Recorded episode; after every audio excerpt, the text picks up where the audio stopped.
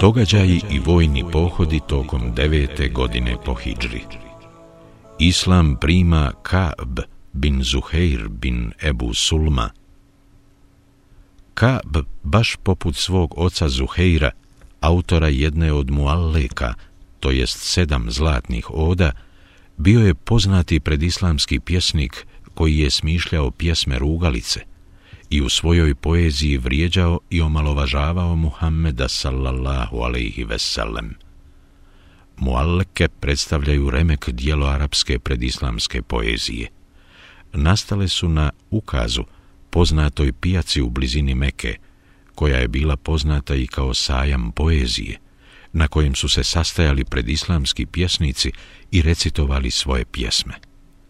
Navodno su bile napisane na pergamentu zlatnim slovima i obješene o zid Kabe. Kabov brat Budžeir, koji je već primio islam i postao uzorit musliman, napisao mu je pismo u kojem ga je obavijestio da je Muhammed sallallahu alaihi veselem naredio pogubljenje svih pjesnika koji su ga vrijeđali, omalovažavali i uznemiravali, ali je obećao da će oprostiti onima koji se pokaju, zatraže oprosta i prime islam. Tom prilikom savjetovao mu je da dođe kod Muhammeda sallallahu alaihi veselem u Medinu i primi islam kako bi se spasio i sačuvao. A ukoliko pak to ne bude želio, onda mu je savjetovao da bježi i pokuša sebi pronaći sigurno utočište. Također, obavijestio ga je da su dvojica kurejšijskih pjesnika Abdullah bin Zib Arra i Hubeira bin Ebu Vehb iz Meke pobjegli glavom bez obzira. Međutim, Kaab nije poslušao savjet svoga brata, već mu je u stihovima poručio. Od mene je poruku ovu buđeiru vi prenesite. Teško ti se, šta to zboriš, vi ga pitajte. Pojasni nam, hajde, ali znam da nećeš moći, dokle ćeš u toj vjeri i zašto ti izmoći. Nit otac, nit mati tvoja ponašali se nisu tako, ani svoga brata na tome nisi zateko. Ako se ne okaniš toga, neću se mnogo brinuti i neću ti reći, pazi, ako vidim da ćeš posrnuti, povjerljivi te je iz svoje posude dobro napojio, gutljaj prvi ti dao, a za njim te i drugim zadojio. Riječju povjerljivi ka bi je ciljao na Muhammeda sallallahu alaihi veselem. U nekim verzijama ovih stihova umjesto me'mun, to jest povjerljivi, navodi se Mahmud, to jest pohvaljeni, što je također jedno od poslanikovih sallallahu alaihi veselem imena. Kada je Kabova poruka stigla do Budžeira, on je o svemu obavijestio Muhammeda sallallahu alaihi veselem, koji se naljutio i dozvolio Kabovo pogubljenje. Budžeir opet Kabu napisa pismo u kojemu je poručio Kada ti stigne ovo moje pismo, odmah primi islam i pohitaj Muhammedu sallallahu alaihi veselem, jer on muslimana ne kažnjava za ono što je učinio prije nego je postao musliman. Ovaj put Kab odluči da posluša savjet svoga brata, te ode u Medinu. Kada je stigao, svoju jahalicu zaustavi i priveza za vrata poslanikove sallallahu alaihi veselem džamije, u kojoj je Muhammed sallallahu alaihi veselem sjedio zajedno sa svojim ashabima. Ka pripovijeda – Odmah sam ga, to jest Muhammeda sallallahu alaihi veselem, prepoznao po posebnim svojstvima, pa krenuh prema njemu. Prišao sam mu izjavio da prihvatam islam. Rekao sam mu, tražim sigurnost i tvoju zaštitu, o Allahov poslaniče. Sa ovog mjesta kod tebe tražim utočište. On me tada upita, a ko si ti? A ja mu odgovorih, ja sam Kab bin Zuhair. ti si onaj što je rekao, a potom se okrenu Ebu Bekru i upita ga, kako je ono rekao, nakon čega ga Ebu Bekr podsjeti na moje stihove koji počinju ovako. Od mene poruku ovu buđeiru vi prenesite, teško ti se, šta to zboriš, vi ga pitajte. Rekoh, nisam rekao tako o Allahov poslaniče, već sam kazao, iz čaše da piješ Ebu Bekr ti je dao, a potom te povjerljivi dalje pojit stao. Tada je poslanik sallallahu alejhi ve sellem komentarišući riječ povjerljivi rekao: Da, ja i jesam povjerljivi tako mi Allaha. Kada su ensarije shvatile da se radi o Kabu bin Zuheiru, pjesniku koji je svojom poezijom vrijeđao Muhammeda sallallahu alejhi ve sellem, rasrdiše se i uputiše mu teške riječi, dok su se prisutne kurešije to jest muhađiri, zbog činjenice da je Kaab primio islam, što im je bilo vrlo drago, prema njemu odnosile blago i učtivo. Kaab je tada Muhammedu sallallahu alaihi veselem izrecitovao kasidu poznatu kao burda, ogrtač, koja počinje sljedećim stihom.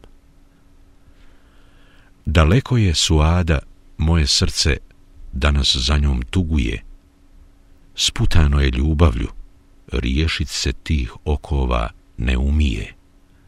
Suada je najvjerovatnije njegova supruga koju mnogo voli, ali je odavno nije vidio jer se iz straha za vlastiti život dugo krio od Muhammeda sallallahu alaihi veselem.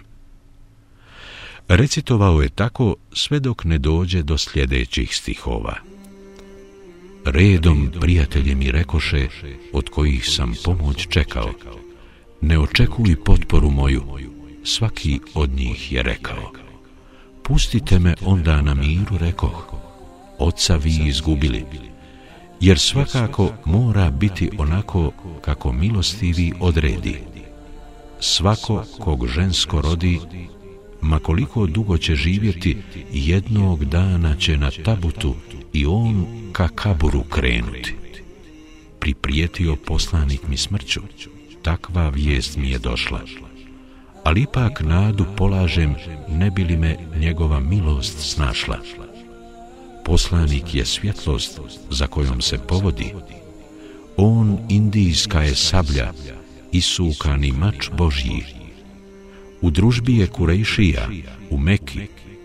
Jedan od njih reče, nakon što primiše islam, otić tamo je preče. I oni odoše, zaista, ali ne poput slabića kakva, bez kacige na glavi i bez oružja pri sebi ikakva, već odoše kao heroji, gordi, plemenita držanja, prekrasno odjeveni u oklopima Davudova tkanja.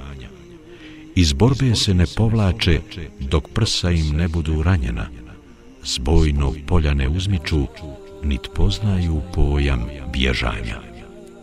Oca vi izgubili, vrsta je prijekora, odnosno kletve koju su upotrebljavali predislamski Arapi. U predislamskom dobu najbolje sablje kovane su u Indiji, te je indijska sablja bila pojam kvaliteta i superiornosti. Riječima, otić tamo je preče, Kab ukazuje na Hidžu u Medinu. Tada je poslanik sallallahu alaihi veselem pogledao Kurešije i šaretom im pokazao da ga slušaju šta recituje. Među posljednjim stihovima koje je tada izrecitovao hvaleći muhađire, bio je i sljedeći stih. Hode poput deva bijelih koje topot njihov štiti, za razliku od crnih kepeca koji gledaju kako ćeš mugnuti. Bijele deve simbol su ljepote, gracioznosti, hrabrosti i svih ostalih lijepih osobina, a u ovom stihu one simboliziraju muhađire. Što se tiče drugog dijela stiha, to jest crnih kepeca, neke ensarije našle su se uvrijeđene jer su shvatile da se te riječi odnose na njih, što je autor i potvrdio. Drugim dijelom ovog stiha Ka bi aludirao na Ensarije zbog toga što su se prema njemu ponijeli grubo i osorno. Međutim, Kurejšije mu prigovoriše zbog tih riječi i rekoše Zašto nas hvališ ako njih kudiš? Te na taj način izraziše svoje nezadovoljstvo zbog toga što prigovara Ensarijama kojima su njegove riječi teško pale, pa se požališe na njega – On potom izrecitova stihove u kojima je hvalio i veličao Ensarije. Šta je častan život onaj ko želi vidjeti? Takav se mora odredu Ensarija pridružiti. Krv živote žrtvuju za svoga poslanika. U danu boja ljutog i gnjeva oholnika, ko u kakvom obredu sebe očistiše krvlju nevjernika, što u boju pobiše. U stihu se pod odredom misli na odred ili eskadron konjanika koji jašu na najčisto krvnim konjima. Pored ovih, Ka bi je tom prilikom izrecitovao još mnogo stihova u kojima je hvalio Ensarije i njihovu žrtvu za islam i muslimane. A kada je završio, Allahov poslanik sallallahu alaihi veselem uze svoju burdu, ogrtač i njome ga zaogrnu. Kada je Muavija radijallahu anhu postao halifa, poručio je Kabu bin Zuheiru da želi od njega otkupiti ovaj ogrtač, ali on to energično odbi rekavši. Nikome neću prepustiti komad odjeće Allahovog poslanika sallallahu alaihi veselem. Nakon Kabove smrti, Muavija je od njegove djece za 20.000 dirhema uspio otkupiti poslanikov sallallahu alaihi veselem ogrtač, koji će kasnije dugo vremena prelaziti sa halife na halifu. Ibn Kesir, El Bidaja Ven Nihaja, 6 kroz 8.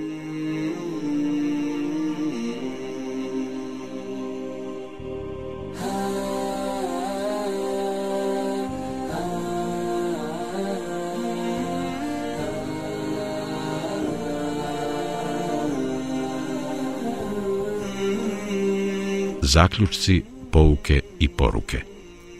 Prvo, ljudi vole pohvalu, a mrze kada ih se grdi i izvrgne kritikama.